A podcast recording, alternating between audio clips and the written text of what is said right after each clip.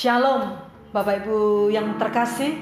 Sidang Jemaat GSKI City Blessing di Kota Semarang. Hari ini kita menyambut hari kebangkitan Tuhan Yesus Kristus dan tentunya setiap kita bersukacita saat ini. Dan biar sukacita karena kemenangan kita oleh darah Yesus Kristus yang sudah menebus Bapak Ibu Saudara dan saya kita ekspresikan melalui puji-pujian yang bersukacita di hadapan Tuhan.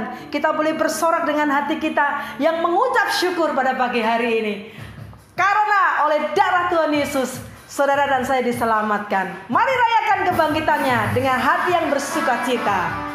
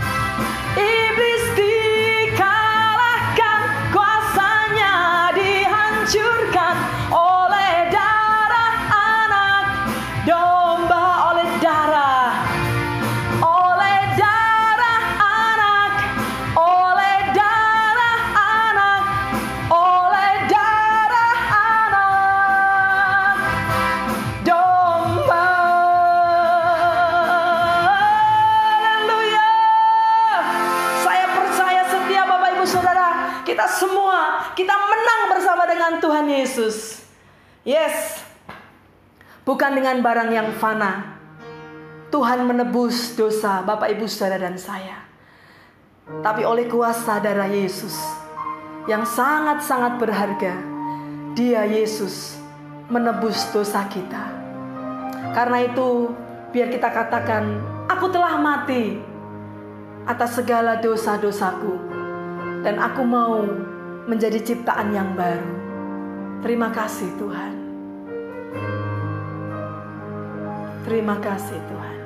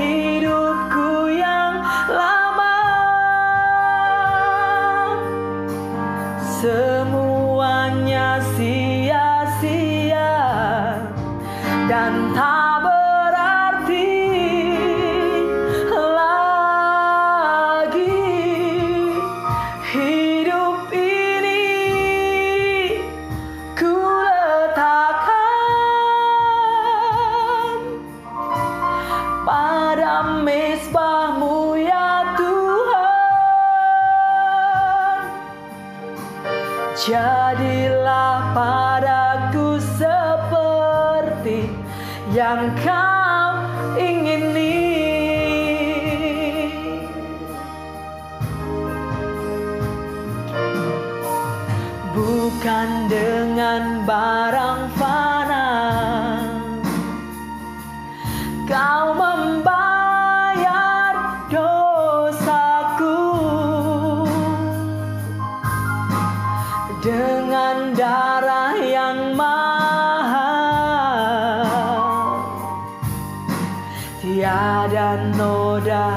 dan celah.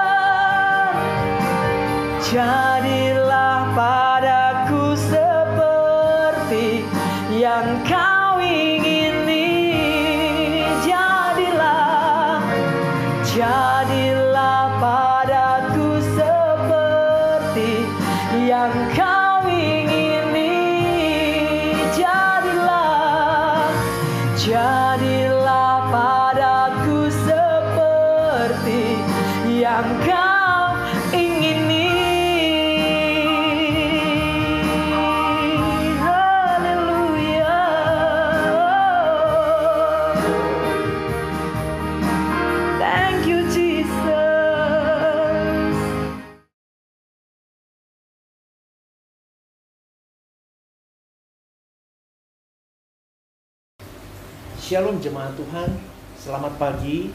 Mari kita sebelum masuk di dalam kebenaran firman Tuhan, mari kita masuk di dalam doa. Tuhan terima kasih untuk hari ini. Kami bersyukur kami masih diberi kesempatan untuk kami belajar lebih lagi kebenaran firman-Mu. Beri kami hikmat-Mu. Mampukan kami terus mengenal pribadi Allah dengan benar dan kami belajar menempatkan diri kami menjadi anak-anak Allah yang luar biasa di mata Tuhan. Terima kasih Bapak, di dalam nama Yesus kami berdoa dan bersyukur. Haleluya. Amin. Saudaraku yang dikasih oleh Tuhan, tema Paskah pada tahun ini dari pusat saya dapatkan hidup baru yang sejati. Ketika saya merenungkan tema ini, mempersiapkan firman ini, hidup baru yang sejati. Berarti ketika ada kata hidup baru, berarti ada hidup lama hidup lama dan sekarang ada hidup baru yang sejati. Kalau Kristen yang selalu berpikir kepada yang namanya perkara-perkara dunia, mereka berpikir bahwa hidup baru yang sejati berarti ada sesuatu yang baru. Rumah baru, berkat baru, sesuatu yang baru. Tetapi urusannya kebanyakan mereka berpikir hanya kepada urusan-urusan dunia. Tetapi berbeda ketika kita mengenal kebenaran dengan benar, kebenaran dengan yang sejati, maka kita mengerti hidup lama kita dengan hidup baru kita itu bukan urusannya tentang harta benda dunia, bukan urusannya tentang pemenuhan-pemenuhan kebutuhan kita, kebutuhan hidup kita. Tetapi hidup yang baru berarti ada sesuatu yang yang tidak berkenan di hadapan Allah yang lalu yang kita lakukan. Kita saat ini kembali menjadi pribadi yang baru yang diubahkan, yang berkenan kepada Allah.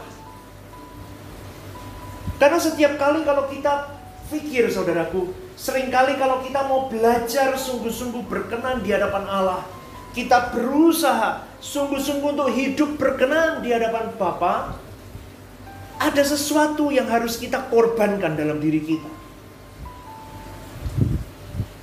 Kita akan mengalami yang namanya sakit ketika kita harus melakukan keinginan Bapa dan kita harus membunuh keinginan diri kita sendiri. Proses melepaskan kesenangan sendiri ini dimulai dari hal-hal yang sederhana, yang tidak sulit biasanya kita latih dalam hidup kita. Kita mampu kalau hal-hal yang kecil yang menurut kita tidak tidak begitu penting, oh mudah sekali kita melakukannya. Itu berproses, itu berproses. Tidak bisa kita tuntut diri kita langsung kepada tahap yang yang super, tahap yang yang lebih profesional. Oh, tidak bisa. Kita ada tahap oh hal-hal yang kecil kita oh ya sudahlah. Kita bisa, kita bisa berkorban akan hal itu. Tapi pada akhirnya kita harus melepaskan kesenangan yang sudah menyatu dengan diri kita. Ada titik di mana kita harus melepaskan sesuatu yang itu sudah menyatu dengan diri kita. Kesenangan yang seharga dengan nyawa yang hidup kita. Kita memiliki kesenangan masing-masing, saudaraku. Kalau boleh jujur, kadang sering kali kita bisa mengatakan seperti ini, aku tidak bisa hidup tanpa kesenanganku ini. Kesenangan itu bisa berupa apa pun. Seseorang, sahabat, teman, orang tua, hobimu, mobil, pakaian, makan minum, atau apa pun. Makanan sekalipun bisa mengikat kita, saudaraku. Perhiasan kita, model pakaian, handphone, atau apa pun, banyak hal. Itu merupakan kesenangan-kesenangan yang kadang aku tidak bisa hidup tanpa kesenanganku itu. Kesenangan yang paling dianggap tidak melanggar kehendak Tuhan adalah hidup wajar seperti manusia lain. Kadang kita sering kali menganggap begitu. Loh, kesenanganku ini wajar kok, orang juga suka kok. Dan kita mengklaim bahwa kesenangan kita itu tidak menyalahi, tidak melukai Tuhan. Dan kita anggap itu tidak melanggar kehendak Tuhan loh. Tetapi sejatinya itu juga kesenangan yang harus dilepaskan. Wah mengerikan kalau ketika saya merenungkan hal ini, Wah ngeri ya, berarti nggak boleh ada sesuatu hal di luar urusan Tuhan, saudaraku. Karena kehidupan kita sebagai anak-anak Tuhan adalah kehidupan yang tidak wajar menurut dunia. Hidup lama kita adalah hidup yang wajar di mata dunia. Aku memiliki ini, aku mempunyai keinginan ini, aku ingin mencapai target ini, Aku mengingini ini dan itu dan itu wajar menurut dunia. Tetapi ketika kita mengerti kebenaran secara utuh, saudaraku, yang wajar menurut dunia pun tidak wajar menurut Allah. Tetapi yang tidak wajar menurut dunia itu wajar dan benar di hadapan Allah. Kehidupan yang tidak memiliki kesenangan selain menyukakan hati Bapa saja. Loh Pak, berarti saya tidak boleh kaya. Loh Pak, berarti saya tidak boleh memiliki mobil. Loh Pak, saya berarti tidak boleh memiliki ini dan itu. Saya tidak tidak katakan seperti itu.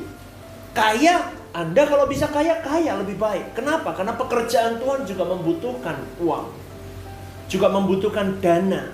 Fresh money untuk perputaran untuk pekerjaan Tuhan. Tetapi intinya begini, saudaraku. Engkau boleh memiliki segalanya. Tetapi pastikan dirimu tidak melekat atau tidak boleh hal-hal di luar itu melebihi Tuhan di dalam hidup.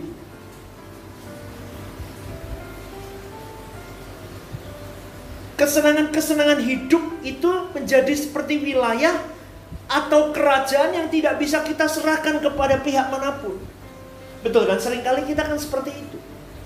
Rasanya ini bagian milikku, jangan ada yang otak-atik. Tak boleh. Itu bagian milikku dan itu eksklusif milik saya. Dan seakan-akan ketika ada orang ingin mengganggu gugat kesenangan kita, rasanya ada orang yang mau mencabut nyawa kita. Wah ini sudah melekat saudaraku. Sudah melekat. Ini menyakitkan. Makanya sering kali saya selalu katakan seperti ini. Ketika engkau mau berkenan di hadapan Bapamu, engkau harus mencabut kesukaan. Cabut itu seperti mencabut kuku lebih menyakitkan. Aku suka, tetapi aku harus relakan itu karena Bapak tidak suka dengan hal itu. Aku suka, tetapi aku harus relakan. Kenapa? Karena itu Tuhan tidak berkenan. Saudaraku dikasih oleh Tuhan. Di dalam hal seperti ini, seseorang bisa membuktikan cintanya kepada Tuhan. Yaitu ketika ia bisa bersedia, oke okay, Tuhan, aku lepaskan ini demi aku mencintai Engkau. Dia menjadikan Tuhan sebagai kesukaan hidupnya. Wah itu susah saudaraku, betul. Itu butuh proses, saya pun berjuang akan hal itu. Gak mungkin dong manusia tanpa kesukaan nggak ada hobi nggak ada apa nggak mungkin pasti ada pasti ada sesuatu yang membuat dirinya bisa menikmati. Itu manusia lama.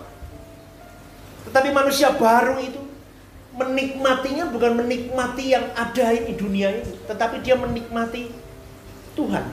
Apa yang dia miliki dia tetap menikmati Tuhan. Aku punya mobil Tuhan terima kasih. Aku bersyukur punya mobil. Karena ini semua anugerah Tuhan dan aku pergunakan mobilku ini untuk kemuliaan Tuhan. Ada orang yang menikmati pekerjaannya begitu luar biasa. Kalau dulu dia menikmati pekerjaannya untuk mengumpulkan harta dunia. Memenuhi semua ambisi hidupnya. Aku mau beli ini, mau beli itu, mau beli ini. Tetapi ketika dia mengerti kebenaran firman Tuhan, dia mulai memakai pekerjaannya untuk dia bisa berkenan di hadapan Tuhan. Dia bekerja dengan baik. Fokusnya bukan lagi uang. Fokusnya bukan lagi mengumpulkan harta dunia. Tetapi fokusnya aku bekerja supaya aku berkenan di hadapan Tuhan. Aku bekerja supaya aku menjadi alat Tuhan di mana pun Tuhan letakkan diri. Saudaraku dikasih oleh Tuhan. Akhirnya tidak ada lagi kesenangan yang disisakan. Kecuali menyenangkan hati Tuhan saja. Ini cukup sulit. Karena kekristenan hari-hari ini tidak diajarkan hal seperti ini. Kekristenan hari-hari ini lebih digemakan untuk mengejar kesenangan dunia. Beragama bertuhan hanya untuk mencari itu semua. Mimbar-mimbar gereja diajar mengajarkan hal-hal tersebut. Seakan-akan Tuhan akan menjawab semuanya dan akan mempermudah semuanya. Tetapi melalui momen Paskah di tahun ini, saudaraku, kita mulai belajar dari pribadi Yesus. Dia meletakkan semua kesenangannya, dia meletakkan semua ego dirinya, dia hanya fokus kepada kesukaan Bapaknya. Bahkan di dalam doanya Tuhan jika boleh, Bapak jika boleh, cawan ini berlalu daripadaku. Itu maunya Yesus. Jika boleh Bapak, ini berlalu daripadaku. Aku gentar menghadapi salib. Aku gentar menghadapi kematianku. Tetapi di dalam doa itu diakhiri dengan biar kehendakmu yang jadi Bapak, bukan kehendak. Dia pribadi yang mau melekat apa yang Bapak suka dalam hidupnya. Dia tetap lakukan meskipun itu menyakitkan saudaraku. Beberapa waktu yang lalu, ini pengalaman pribadi saya. Saya ada salah miskomunikasi dengan seseorang. Saya baik dengan orang tersebut, saya menghargai begitu luar biasa dia bekerja di tempat saya dan sebagainya.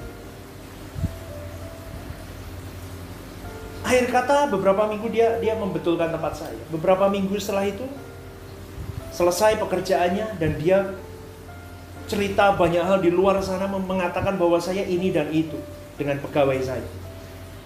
Sampai beberapa pegawai saya pun bingung. Pada kenyataannya tidak seperti itu. Kok dia ceritanya seperti itu di luar sana. Bahkan uh, saya cukup shock. Loh kenapa ya? Wong kita baik sama dia, kita begitu sopan, kita baik, kita ramah sama beliau. Tetapi kok ceritanya begitu di luar sana wah katanya ini dan itu. Saudaraku dikasih oleh Tuhan. Respon pertama yang saya dapatkan, saya langsung waktu itu sakitnya minta ampun. Begitu menyakitkan saudaraku. Ini saya tidak melakukan hal itu, engkau tuduh saya melakukan itu. Kalau saya melakukan itu, beda cerita respon saya. Tetapi ketika saya tidak melakukan hal itu, tetapi engkau tuduh saya melakukan itu, pertama kali respon saya, waduh sakitnya minta ampun. Ada ekspresi-ekspresi mulai keluar, saya mulai, lu kok begini? Lu kok begitu? Tetapi salah satu tim saya mengingatkan kepada saya, dia bukan orang Kristen, saudaraku. Dia mengingatkan kepada saya, Coach Steven, ini diingatkan kepada yang namanya tema Paskah. Oh iya, hari itu saya langsung mulai diingatkan Roh Kudus bekerja melalui staf saya ini dan dia mengingatkan saya. Manusia lamamu, engkau ingin membalas itu semua. Manusia lamamu pasti engkau akan marah. Manusia lamamu pasti engkau akan menghancurkan orang itu. Tetapi engkau adalah ciptaan baru Hidupmu harus baru. Di momen pasca ini kau harus berubah. Kau harus menjadi pribadi yang lebih baik. Saat itu juga saudaraku, saya mulai diingatkan. Pribadi Kristus. Sakit bukan? Dia tidak bersalah. Kita yang bersalah. Tetapi dia yang harus mati menanggung dosa-dosa kita, menanggung kesalahan kita. Apa yang dilakukan Yesus dalam di dalam penangkapannya, disalibkan. Tidak ada satu kata pun dia melawan. Dia diam. Dia tutup mulut. Karena dia percaya. Bapa senang akan hal itu. Saya belajar saudaraku ketika masalah itu berlalu. Saya mulai diam. Saya malam itu juga saya berdoa di hadapan Tuhan. Tuhan, ampuni aku jika responku awal tadi tidak berkenan. Ampuni aku Tuhan. Aku masih belum serupa dengan Engkau. Aku mau terus belajar. Dan Tuhan mengingatkan kepada saya hukum kasih yang begitu kuat dalam hidupnya. Saudaraku dikasih oleh Tuhan.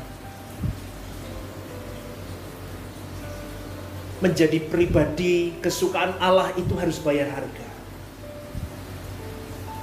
menjadi pribadi kesukaan Allah itu pasti menyakitkan. Menjadi pribadi kesukaan Allah itu pasti dianggap gila oleh dunia. Dunia mengajarkan jika engkau menampar pipi kiriku, ku tampar pipi kanan. Mata ganti mata. Tetapi Kristus mengajarkan apa? Mengajarkan kasih. Itulah hidup baru yang sejati. Yang dulunya mungkin aku akan memukulmu ketika engkau menyakitiku. Hari ini aku berubah, aku mendoakanmu dan aku memberkatimu dan mengampuni. Saudaraku dikasih oleh Tuhan. Di dalam kenyataannya, di dalam kehidupan hari-hari ini.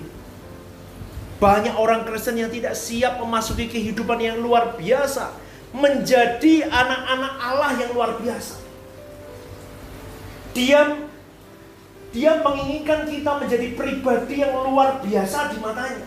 Tetapi Kristen-Kristen hari ini sering kali bersedia untuk menjadi pribadi-pribadi Kristen yang diberkati luar biasa. Tetapi untuk diproses luar biasa, mereka tidak mau. Nah ini yang menjadi kendala. Banyak mereka tidak bersedia meninggalkan kesenangan-kesenangan mereka. Mereka mau mengikut Tuhan Yesus, tetapi tidak mau membayar harga pengikutannya. Aku mau ikut engkau Tuhan. Bayar harga. Aku mau melayani Tuhan, bayar harga. Betul, bayar harga. Saya jujur, saya saya sampai uh, beberapa waktu ini saya sampai wah ngomong wah luar biasa. Tim pelayan gereja GSKI City Blessing Semarang, meskipun mereka sibuk bekerja loh, semua mereka sibuk bekerja Apalagi bagian editing ini ya. Pak Yusuf ini luar biasa. Dia sibuk luar kota dan ke mana ke mana ke mana. Tapi dia masih meluangkan waktu. Dia bisa edit video sampai beres. Setiap minggu event apa pun dia ready. Ini buat saya, wah ini orang luar biasa. Padahal dia luar kota, tiap hari luar kota. Nah dia, jadi Bapak Ibu dikasih oleh Tuhan, pribadi-pribadi seperti ini, dia memberikan hidupnya untuk Tuhan dengan luar biasa. Dia memberikan waktunya luar biasa untuk Tuhan. Dia nggak main-main.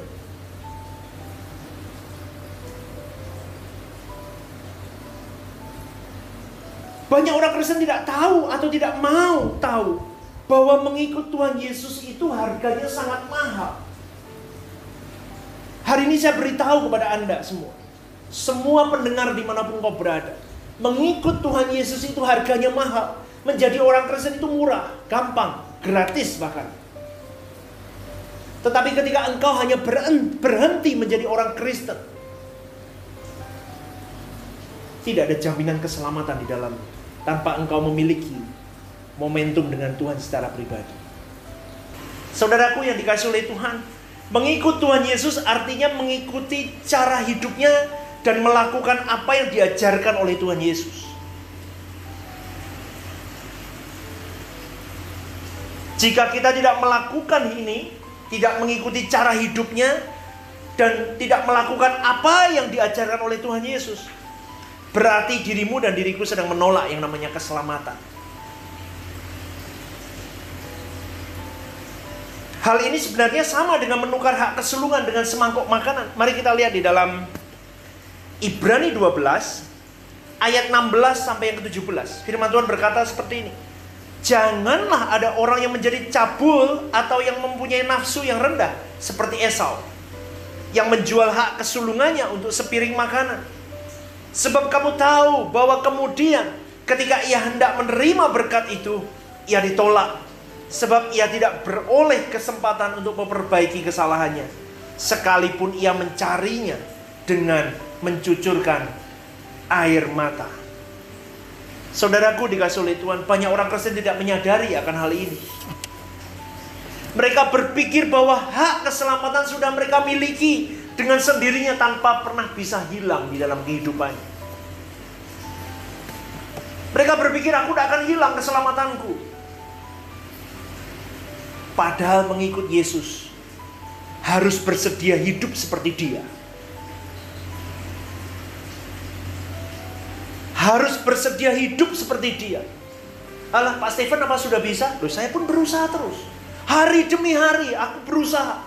Hari demi hari saya terus berupaya. Saya berkenan di hadapan Tuhan seperti yang Yesus lakukan. Benar saudaraku, kalau saya mengingat, oh hidup saya yang lama, wah mengerikan. Mengerikan. Orang menyakiti saya, oh jangan main, saya akan kalau perlu saya main tangan. Dan kalau perlu saya habisi orang ini. Sampai saya puas. Tetapi karena saya mengerti kebenaran yang utuh. Engkau anak Tuhan, tidak mungkin hidupmu seperti itu. Kita lihat gambaran Yesus. Dia ada melawan. Ketika dia ditangkap mau dibawa disalibkan sekalipun dia tidak ada kata-kata melawan menghujat mengumpat tidak ada. Dia diam. Bahkan di kayu salib itu pun orang meludahi dia menghina dia melecehkan dia. Apa yang dia katakan? Bapa ampunilah mereka. Karena mereka tidak tahu apa yang mereka perbuat pribadi mana di muka bumi ini seperti dia saudaraku Pribadi mana tidak ada satupun pribadi yang memiliki standar hidup yang luar biasa seperti dia. Oleh sebab itu Allah Bapa begitu menyayangi anaknya yang tunggal ini. Dia istimewa di mata Bapa. Itulah yang saya ingat di dalam hidup saya. Aku mau serupa dengan Yesusku. Aku mau serupa dengan teladan kekristenanku. Aku harus terus berjuang. Meskipun terseok-seok mencucurkan air mata sekalipun berjuang. Saya ajak saudara-saudara semua, ayo mari kita berjuang. Tidak mudah saudaraku, tidak mudah, betul tidak mudah. Omong kosong kalau orang di luar sana mengatakan sempurna, mudah. Oh tidak. Saya katakan susah sekali. Tetapi ingatlah apa yang kita lakukan. Kita minta perkenanan Tuhan, kita minta tuntunan Roh Kudus terus kita berjuang. Apa pun ikatan dalam hidup kita hari-hari ini harus kita lepaskan terus hari demi hari menjadi lebih baik. Saudaraku yang dikasih oleh Tuhan, hal tersulit yang dihadapi orang Kristen adalah ketika dia mulai mengenakan kebenaran ini, maka dia mulai merasa aku kok tidak wajar hidupku ya. Aku seperti orang planet lain nih. Kok aneh ya rasanya. Tetapi itulah sesungguhnya cara kita menghargai hidup. Kita berhati-hati sungguh-sungguh. Aku melakukan ini, Bapak senang enggak dengan dengan apa yang saya lakukan? Oleh sebab itu, saudaraku dikasih oleh Tuhan, jadilah apa adanya dirimu, sesuai engkau dibentuk oleh Bapa. Hari demi hari, tidak usah dibuat-buat hidup. Tidak usah dibuat-buat, oh biar kelihatan suci, oh biar kelihatan rohani, oh biar kelihatan baik, tidak usah. Sudah apa adanya dirimu, terus diproses dan tampilkan apa adanya dirimu. Karena jadi pribadi yang apa adanya itu susah. Banyak orang sudah tidak bisa apa adanya. Ada apanya sering kali dan mereka menutup semua kekurangannya. Ditata begitu rapi apalagi pribadi tersebut pandai berkata-kata. Waduh, dia bisa menata dengan sopan kelihatannya Tetapi siapa yang tahu isi hati dan pikiran dan jiwa? Hanya Tuhan yang tahu. Makanya dalam dalam hidup saya selalu katakan tidak perlu tampil dengan bertopeng dan sebagainya. Inilah saya. Inilah saya seorang Stephen. Inilah saya. Saya tidak pernah dibuat-buat hidup saya. Cara saya berbicara, cara saya berkata-kata, cara saya inilah saya. Tetapi saya selalu introspeksi diri, saudaraku. Apa yang salah dalam hidup saya? Apa yang saya salah lakukan dalam hari ini? Ini tidak berkenan ini. Ini perkataan ini tidak berkenan. Kelakuanku tidak berkenan ini di hadapan Bapak. Aku mau berubah lebih baik. Tampil terus, terus, terus ditajamkan kebenaran firman Tuhan. Saudaraku dikasih oleh Tuhan. Pada umumnya manusia hidup hanya untuk memenuhi kebutuhan jasmaninya. Dan dia mengingini apa yang orang lain miliki sesuai dengan konteks zaman. Loh Pak, hari ini kan semua handphonenya harus iPhone Pak. Kalau saya nggak punya iPhone nggak bisa dong Pak. Loh Pak, hari ini kan musiknya ini dan itu Pak. Fashionnya begini Pak. Tasnya harus ratusan juta. Bajunya harus begini, sepatunya harus mewah Pak. Itu kan kata dunia. Kalau hal ini dilakukan, orang yang hidup sebelum zaman anugerah atau orang di luar orang percaya bisa dimaklumi, tidak apa-apa. Oh dia tidak tahu kebenaran kok. It's okay, nggak masalah. Tetapi kalau kita sebagai orang-orang percaya yang mengerti kebenaran dan mengabaikannya dan kita tetap terikat dengan kesenangan-kesenangan dunia dengan intriknya, celakalah kita. Percaya saudaraku, celakalah kita. Loh berarti tidak boleh pakai baju bermerek? Boleh. Boleh. Tetapi jangan kau kejar itu semua. Tidak perlu. Tidak perlu kau kejar kesenangan dunia itu, tidak perlu kau kejar. Kalau hanya ingin kaya, saudaraku, tidak usah ke gereja. Orang di luar sana lebih kaya daripada orang Kristen banyak. Intinya apa? Hukumnya apa? Kerja keras. Betul kan? Orang kerja keras pasti sukses. Pasti berhasil. Kerja keras, tekun, disiplin itu itu ini patron dunia. Dan itu seumum semua orang Kristen, orang di luar Kristen, patternnya sama, patronnya sama. Ya ini kerja keras, jujur, disiplin, tepat waktu, bertanggung jawab, itu patron yang yang umum di dunia. Dan orang dunia pun bisa kaya tanpa harus jadi orang Kristen. Tanpa harus memperalat Yesus. Nangkep ya maksud saya. Jadi tanpa harus Kristen pun engkau bisa kaya. Jadi kalau engkau hari ini ironik kalau datang ke gereja hanya minta berkat sama Tuhan. Tuhan berkati hidupku. Aku mau beli Alphard Tuhan. Alphard yang terbaru 2018 second enggak apa-apa Tuhan. Doakan Tuhan, tolong, tolong jika boleh jawab Tuhan. Beri aku tanda Tuhan. Besok pagi kalau ada orang datang ngasih aku ini berarti tandanya aku suruh beli Alphard Tuhan. Nah itu sudah konyol saudaraku urusannya dunia, dunia kembali dan urusannya dunia. Kita orang percaya, kita mengerti kebenaran. Kalau kita tidak berubah, celakalah hidup kita. Semangat hidup orang percaya adalah semangat dari tempat yang maha tinggi. Dari dia, sang pemberi hidup kita. Kita harus mengenakan gairah Tuhan Yesus yaitu apa? Melayani Bapa saja. Sudah, sudah layani Bapa. Lupa layani Bapak itu gimana? Dalam pekerjaanmu, dalam keluargamu, dalam semua lingkup hidupmu. Semuanya senternya dikembalikan kepada urusan pekerjaan Tuhan. Semua. Aku punya mobil, senternya kembalikan. Aku punya uang, senternya kembalikan ke Tuhan. Aku punya rumah, senternya kembalikan ke Tuhan. Berapa banyak orang berani bersedia membukakan rumahnya untuk pekerjaan Tuhan? Tidak mau pak, tempatku waduh rusak semua nanti tanamanku rusak, mobilku lecet, ini dan itu. Tidak mau. Dia lupa, semuanya itu dari Tuhan. Gunakan semua untuk kemuliaan Tuhan. Lupa mobilku jangan toh pak, jangan dipakai untuk angkat-angkat untuk nar, apa ngaj, apa ngangkutin orang ke gereja. Jangan dong, sayang. Mobilku mahal pak, ratusan juta pak, nanti lecet pak. Nanti kena coklat, anaknya bawa makanan jatuh pak, lecet dan ini dan itu. Berapa banyak orang seperti itu saudaraku? Seringkali kita lupa. Pekerjaan kita, keluarga kita, semuanya harus kita senterkan kembali kepada Tuhan. Di dalam Yohanes 4 ayat 34 firman Tuhan berkata seperti ini saudaraku. Kata Yesus kepada mereka, makananku ialah melakukan, melakukan kehendak dia yang mengutus aku dan menyelesaikan pekerjaannya. Kehidupan Tuhan Yesus adalah kehidupan yang hanya diperuntukkan bagi Allah Bapa saja. Yaitu melakukan semua kehendak Bapa dan menyelesaikan pekerjaannya. Istimewa saudaraku. Kita yuk belajar yuk, kita belajar. Apa sih yang Tuhan kehendaki melalui apa yang ada dalam hidupku ini? Kerja-kerjalah yang sungguh-sungguh.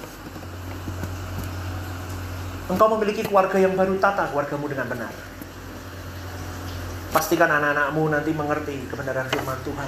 Pastikan anak-anakmu takut akan Tuhan. Pastikan anak-anakmu menjadi pribadi yang baik.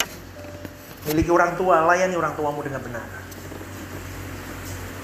Engkau memiliki kesempatan untuk melayani di gereja. Engkau memiliki jabatan-jabatan tertentu di gereja. Lakukan yang benar. Jangan naik turun, naik turun.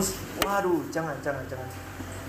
Coba kalau kita pikirkan, kehidupan Yesus harus masuk dalam kehidupan kita. Kita harus seperti Yesus. Coba kalau kita renungkan diri kita dalam melayani Tuhan. Kadang males, kadang naik turun. Coba Yesus begitu. Apa nggak kacau itu? Kita belajar saudaraku, kita kadang kadang menempatkan jika Yesus ada di zaman sekarang ini, apakah seperti diri kita? Sama enggak saya seperti Yesus? Apakah Yesus akan melakukan ini ketika di zaman ini dia ada? Orang percaya akan meletakkan kepala di langit baru dan bumi baru di dalam kerajaannya nanti. Sedangkan di bumi ini dia bekerja keras untuk roti yang tidak binasa, saudara. Kita bekerja keras untuk roti yang tidak binasa hidup lama kita, kita bekerja keras untuk roti yang binasa.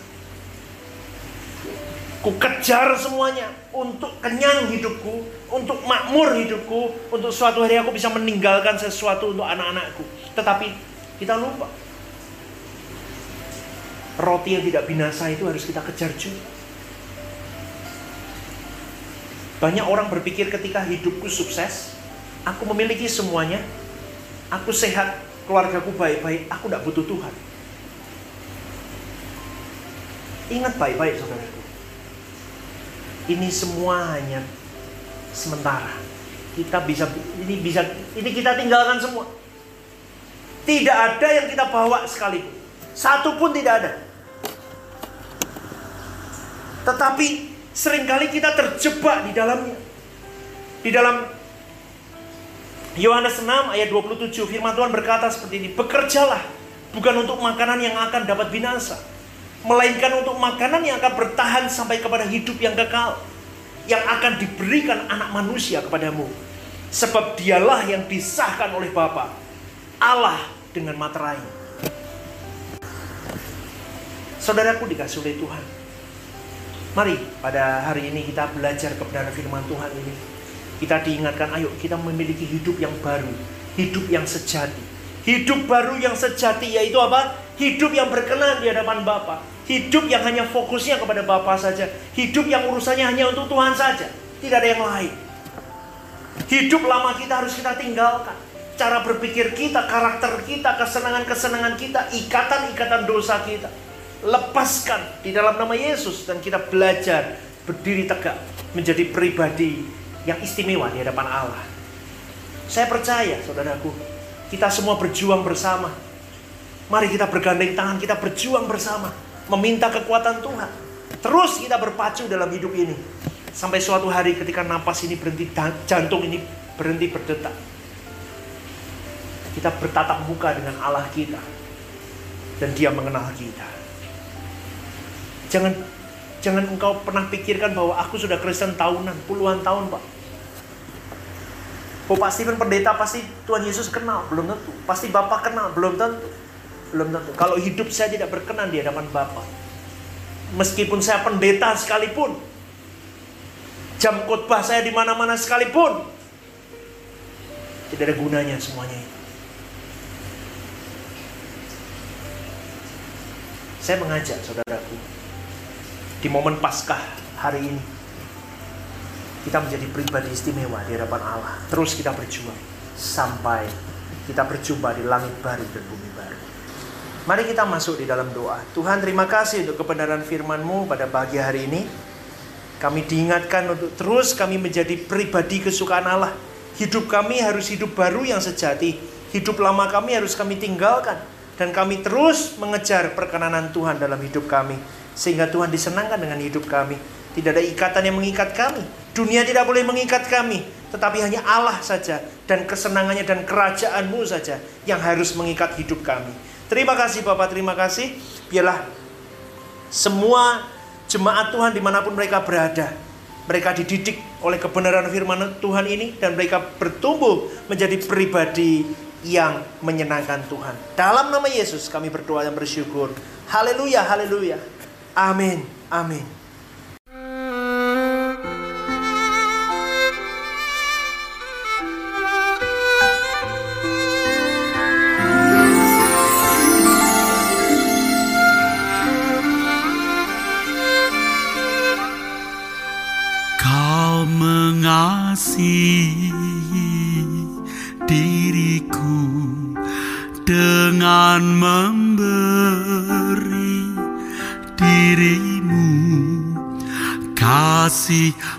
Sempurna tiada taranya.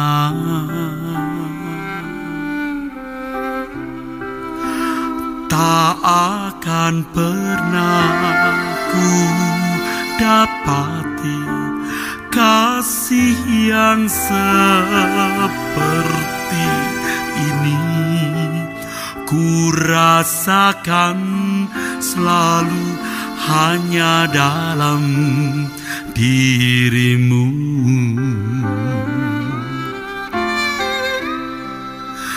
Tuhan ajar ku setia sampai kapan pun tetap setia.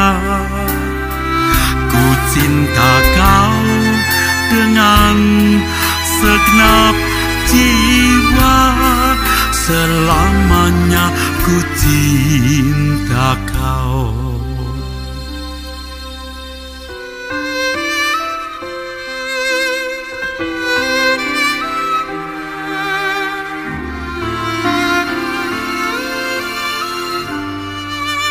Kau mengasihi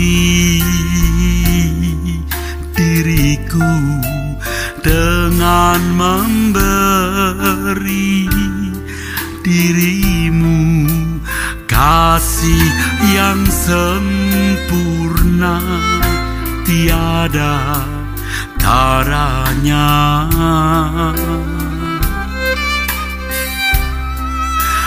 tak akan pernah ku dapati kasih yang seperti ini. Ku rasakan selalu hanya dalam dirimu.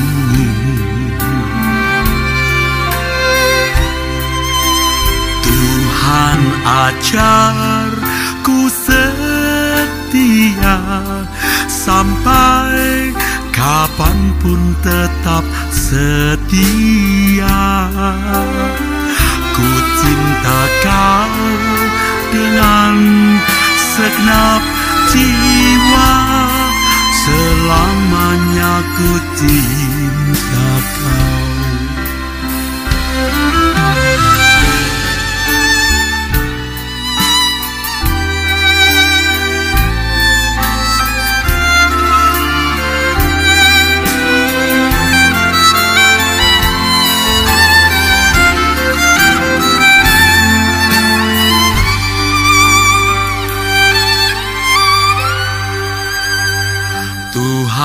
Ajar ku setia sampai kapan pun tetap setia. Ku cinta kau dengan